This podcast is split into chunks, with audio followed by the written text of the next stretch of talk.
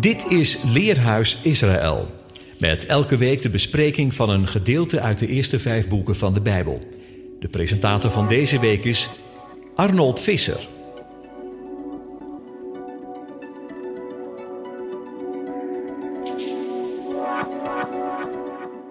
Beste luisteraars, hartelijk welkom bij deze uitzending van het Leerhuis. Deze leerhuisuitzending staat in het derde thema van het jaar, de derde parasha. En dan staan we stil bij het thema leg lega, Hebreeuws voor ga of vertrek. Letterlijk ga voor jezelf. In de parasha worden ons de verhalen verteld van de roeping van Abraham, zijn tijdelijke verhuizing naar Egypte vanwege de hongersnood, de leugen aan Farao met de gevolgen van dien, het verdelen van het land met Lot, de oorlog tussen de vier koningen en het verbond met de ene, de spanningen van Sarah met haar dienstmeisje Hagar, de geboorte van Hagars zoon Ismaël en het verbond van de besnijdenis. Kortom, de tekst staat vol met vele gebeurtenissen. Het begint met: Dan zegt de ene tot Abraham: Ga, jij, leg me ga, ga voor jezelf. Ga weg uit je land, uit je geboortetent en uit het huis van je vader, naar het land dat ik je zal doen zien.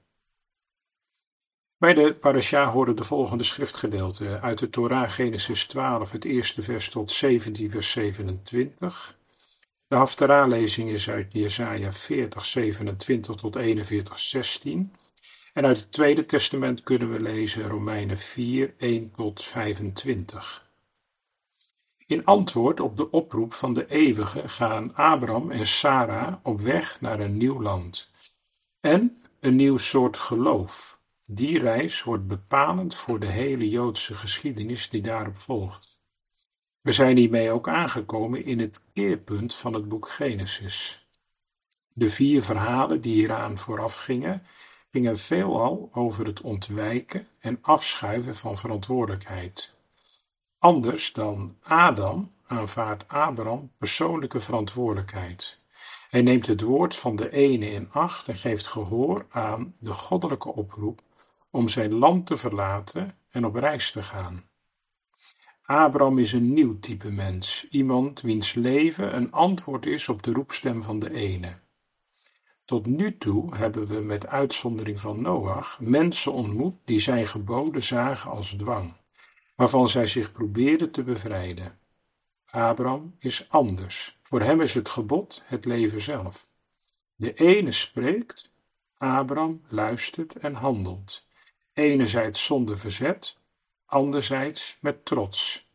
Hij leeft in de bewuste aanwezigheid van de goddelijke wil.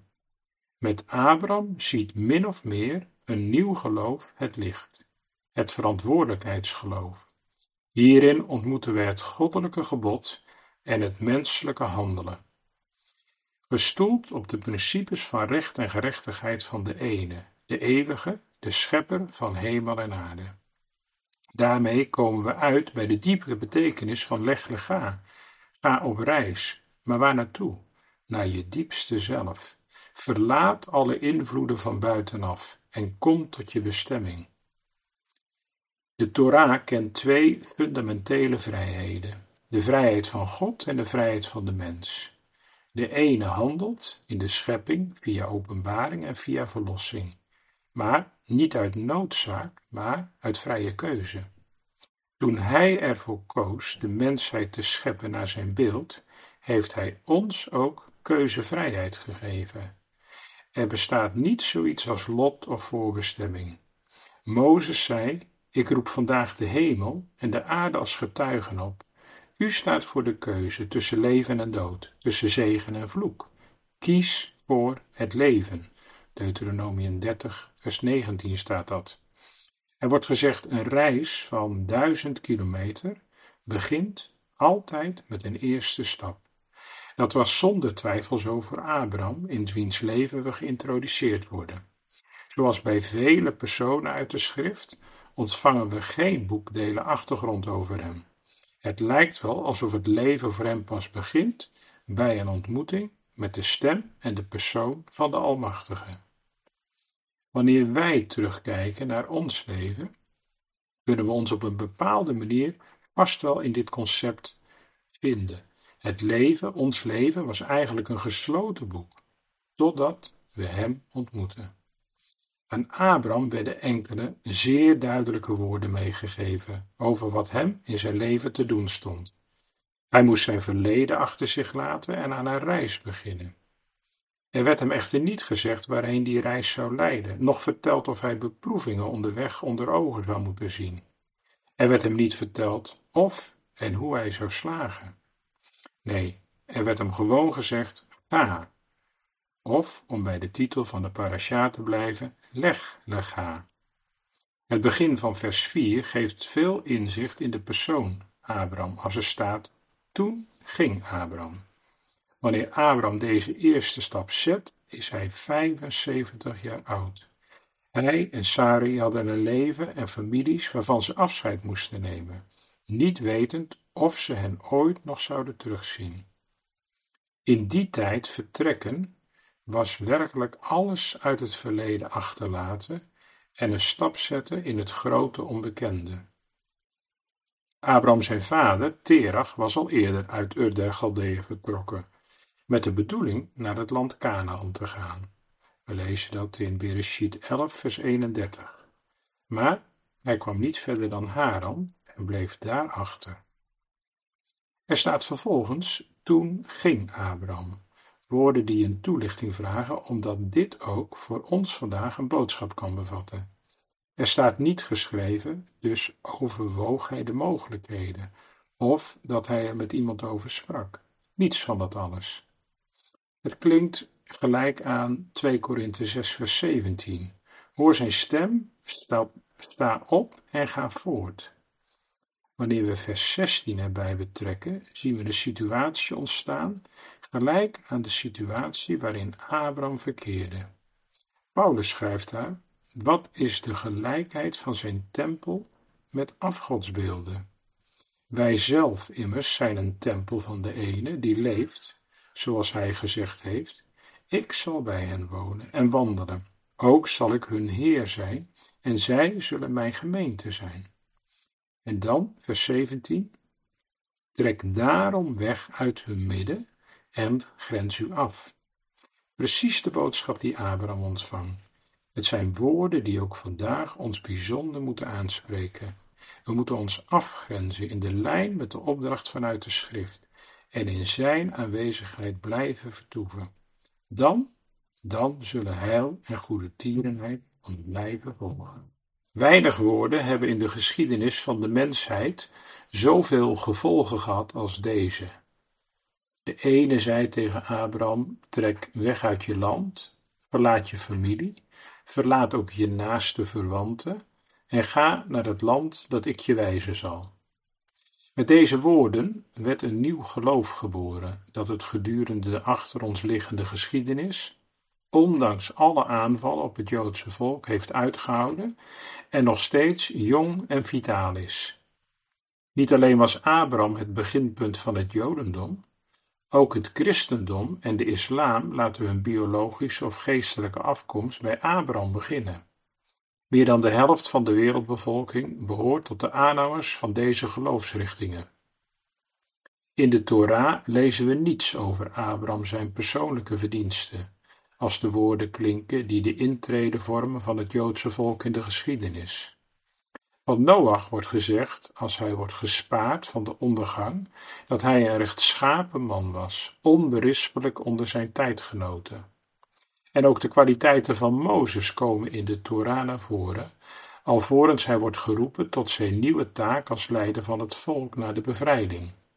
Maar Abraham wordt zonder verklaring geïntroduceerd. Leg, lega, ga weg uit je land. Eigenlijk echoot die oproep van Leg Lega sindsdien door alle eeuwen tot hen die een belangrijke beslissing moeten nemen. Tot hen die voor een onbekend terrein in hun leven staan en dat nieuwe gebied moeten binnentrekken. Het gold en het geld zeker voor het Joodse volk, dat zo vaak steeds opnieuw letterlijk weer verder moest trekken. Maar dat geldt ook daarbuiten voor ieder die voor de grens van een volstrekt nieuw levensgebied is komen te staan en moet beslissen. Dan is het goed om scherp te luisteren en te horen of er een stem zegt: leg ga, ga. Misschien is daarom tevoren niets over Abraham meegedeeld in de Torah. Hij was geen uitzonderlijk hoogverheven man, totdat de roep van de eeuwige kwam en zei: Leg ga, en hij ging in geloof. In de Joodse opvatting zijn formuleringen in de Torah nooit voor niets zo genoemd. Ieder woord heeft een boodschap.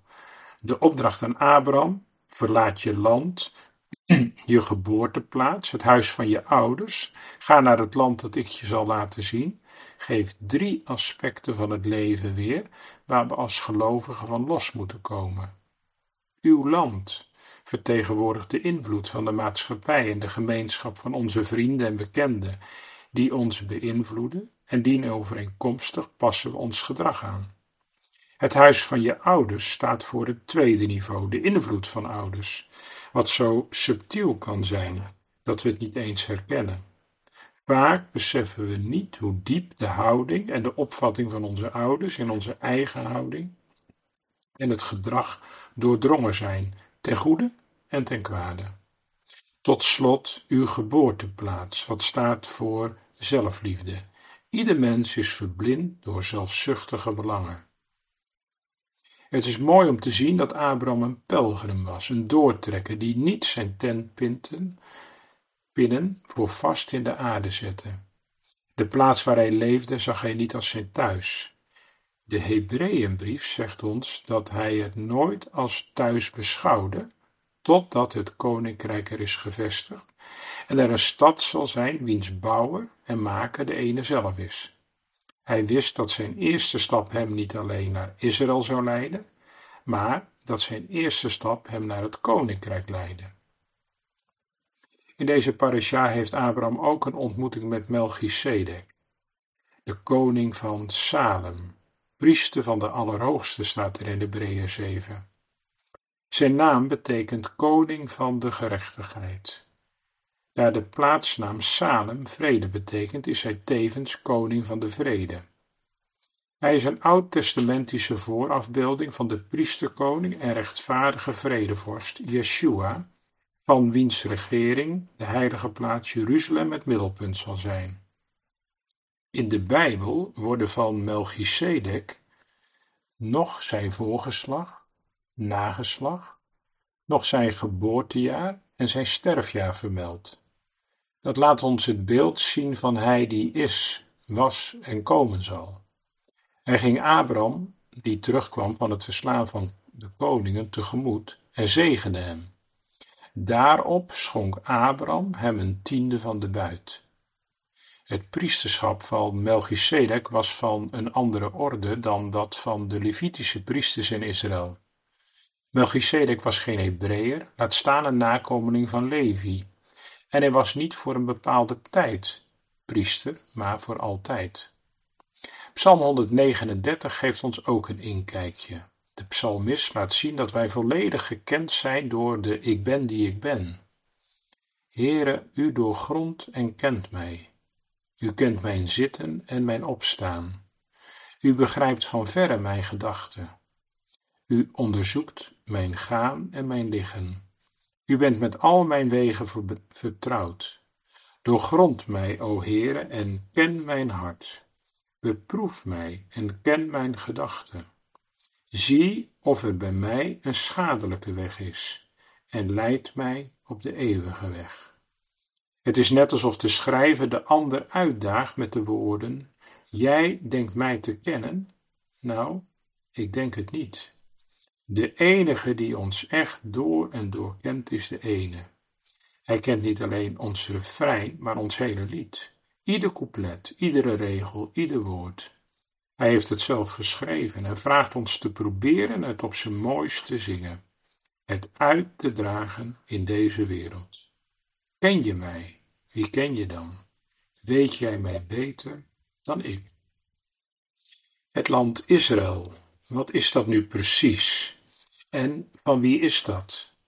Hoe actueel is deze vraag? In Bereshit 13, vers 15 staat, want het gehele land dat gij ziet, aan u zal ik het geven, aan u, nakomelingen, tot in de eeuwigheid. In de parasha van deze week gaat het voor het eerst in de Bijbel over het land Israël. God belooft het land aan Abraham en zijn nakomelingen. Het Joodse volk, Israël, is een bijzonder land. Waarom is dat zo en wat maakt het land voor een Jood zo bijzonder? Bijbelverklarers stellen allereerst dat het land Israël Gods eigen land is. In de Bijbel staat dat ieder volk een land een eigen engel heeft. Deze gedachte is onder meer terug te lezen in Daniel 10, vers 13. Daar wordt in het Hebreeuws gesproken over een sar. Dat kan in het Nederlands vertaald worden met vorst, maar ook met engel. Er is echter één land dat geen sar heeft, en dat is het land Israël. Het is volgens de Joodse traditie God zelf die over Israël waakt. Het is in het Jodendom gangbaar om het land Israël ook een bijzondere spiritualiteit toe te kennen. Deze gedachte is gebaseerd op onder andere Ezekiel 38, vers 12. Op oude wereldkaarten worden Israël en Jeruzalem vaak afgebeeld als het middelpunt van de wereld. Daar is reden voor. In Ezekiel 38, vers 12 lezen we over het volk, het Joodse volk, dat overal vandaan komt en het middelpunt des lands bewoont. In het Hebreeuws staat daar letterlijk Tabur Haaretz, de navel van de aarde. Een treffende omschrijving. Via de navel ontvangt een baby voedingsstoffen van de moeder. De navel is bovendien het middelpunt van het lichaam. Zo wordt het hogere, het goddelijke, de spiritualiteit via het land Israël verbonden met het lagere, het materiële. Vanuit Israël verspreidt het goddelijke zich vervolgens weer over de hele wereld. En zo is het gegaan. Ook Deuteronomium 18, vers 18 wordt vaak in verband gebracht met de bijzondere spiritualiteit van het land Israël. In dat vers staat: Ik zal een profeet doen opstaan uit hun midden van hun broeders. Klassieke Joodse verklaarders betogen op grond van dit vers dat de profetie slechts plaats kan vinden in het land Israël. Volgens Maimonides komt dat omdat Gods geest, de Shechina, rust op Israël. En daarom is alleen het land Israël geschikt voor de profetie.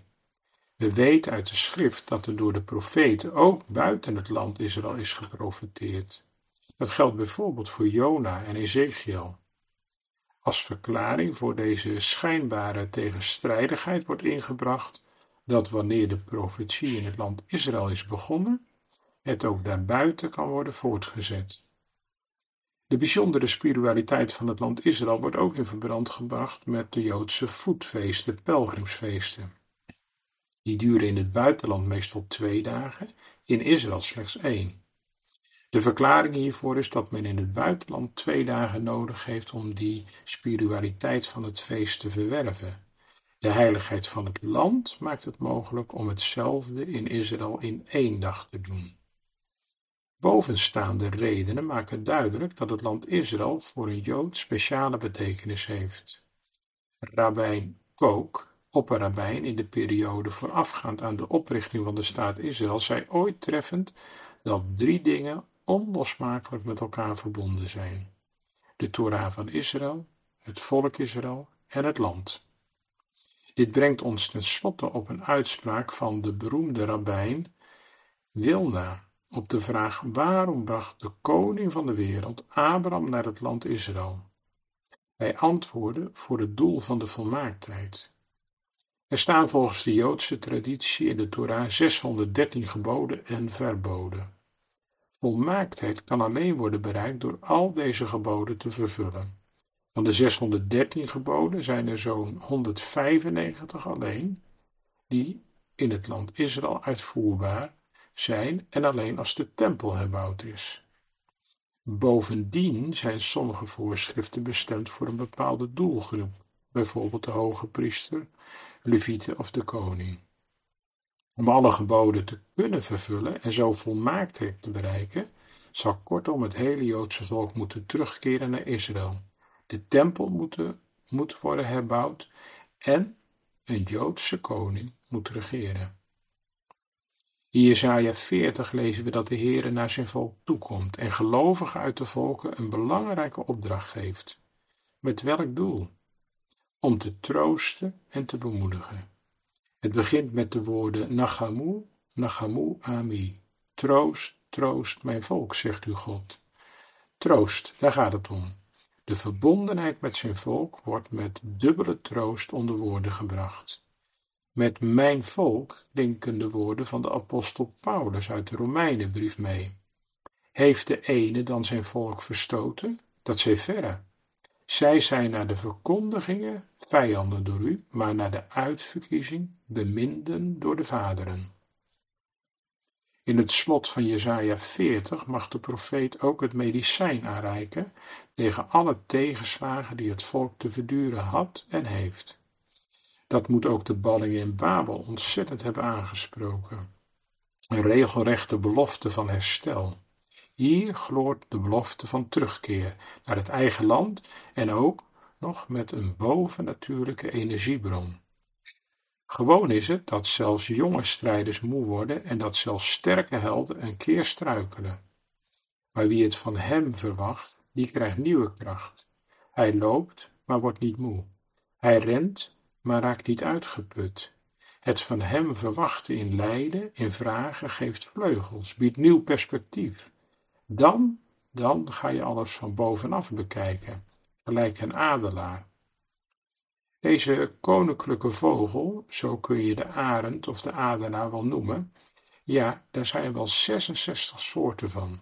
Denk bijvoorbeeld aan de vis of de zee of de slangenarend, de steenarend, de kuifarend. Hij heeft een krachtige snavel, sterke poten en klauwen en een zeer, zeer scherp gezichtsvermogen, waarmee hij een konijn kan zien vanaf twee kilometer hoogte. Het meest majestueus is de spanwijdte van zijn vleugels, die bij de steenarend, waaraan we wel moeten denken bij de tekst uit Exodus 19 vers 4, ik heb u op arendsvleugels gedragen, dit varieert dan wel van 1,90 meter tot 2,25 meter.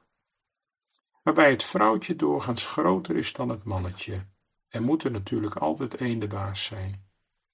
Arenden krijgen een volwassen klerenkleed pas na enkele jaren.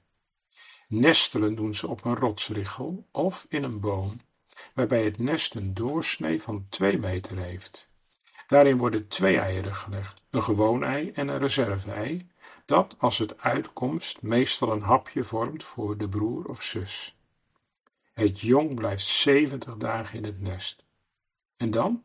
Ja, dan komt het moment waarvan de Heer vanaf de berg tot Mozes zegt: Op adelaarsvleugels heb ik jullie gedragen. Het jong heeft nog niet de moed om het nest te verlaten. Maar de ouders helpen een handje. Het jong krijgt eerst minder te eten, zijn, zodat zijn honger wordt opgewekt en overtollig gewicht wordt geloosd voor de eerste vlucht. Het jong kijkt nog angstig over de rand, terwijl vader Arend hoog in de lucht de zaak in de gaten houdt en moeder Arend het jong een zetje geeft. Zoals een arend zijn broedsel opwekt, zeggen ook de paralleltekstversen uit Deuteronomium 32 vers 11 en 12. De woorden van Mozes, zoals een arend over zijn jongen waakt en voortdurend erboven blijft zweven, zijn vleugels uitspreidt en zijn jongen daarop draagt. Zo heeft de Heere zijn volk geleid. De kerngedachte achter dit verhaal is het moment komt waarop je afscheid moet nemen van een veilige situatie. En dan weten we misschien net zo min als de aspirant vlieger in het adelaarsnest hoe het dan zal gaan en hoe verder. Terwijl hij vleugels aan zijn lijf heeft, zijn sterkste wapen in de strijd om te overleven, zo'n 60 jaar lang.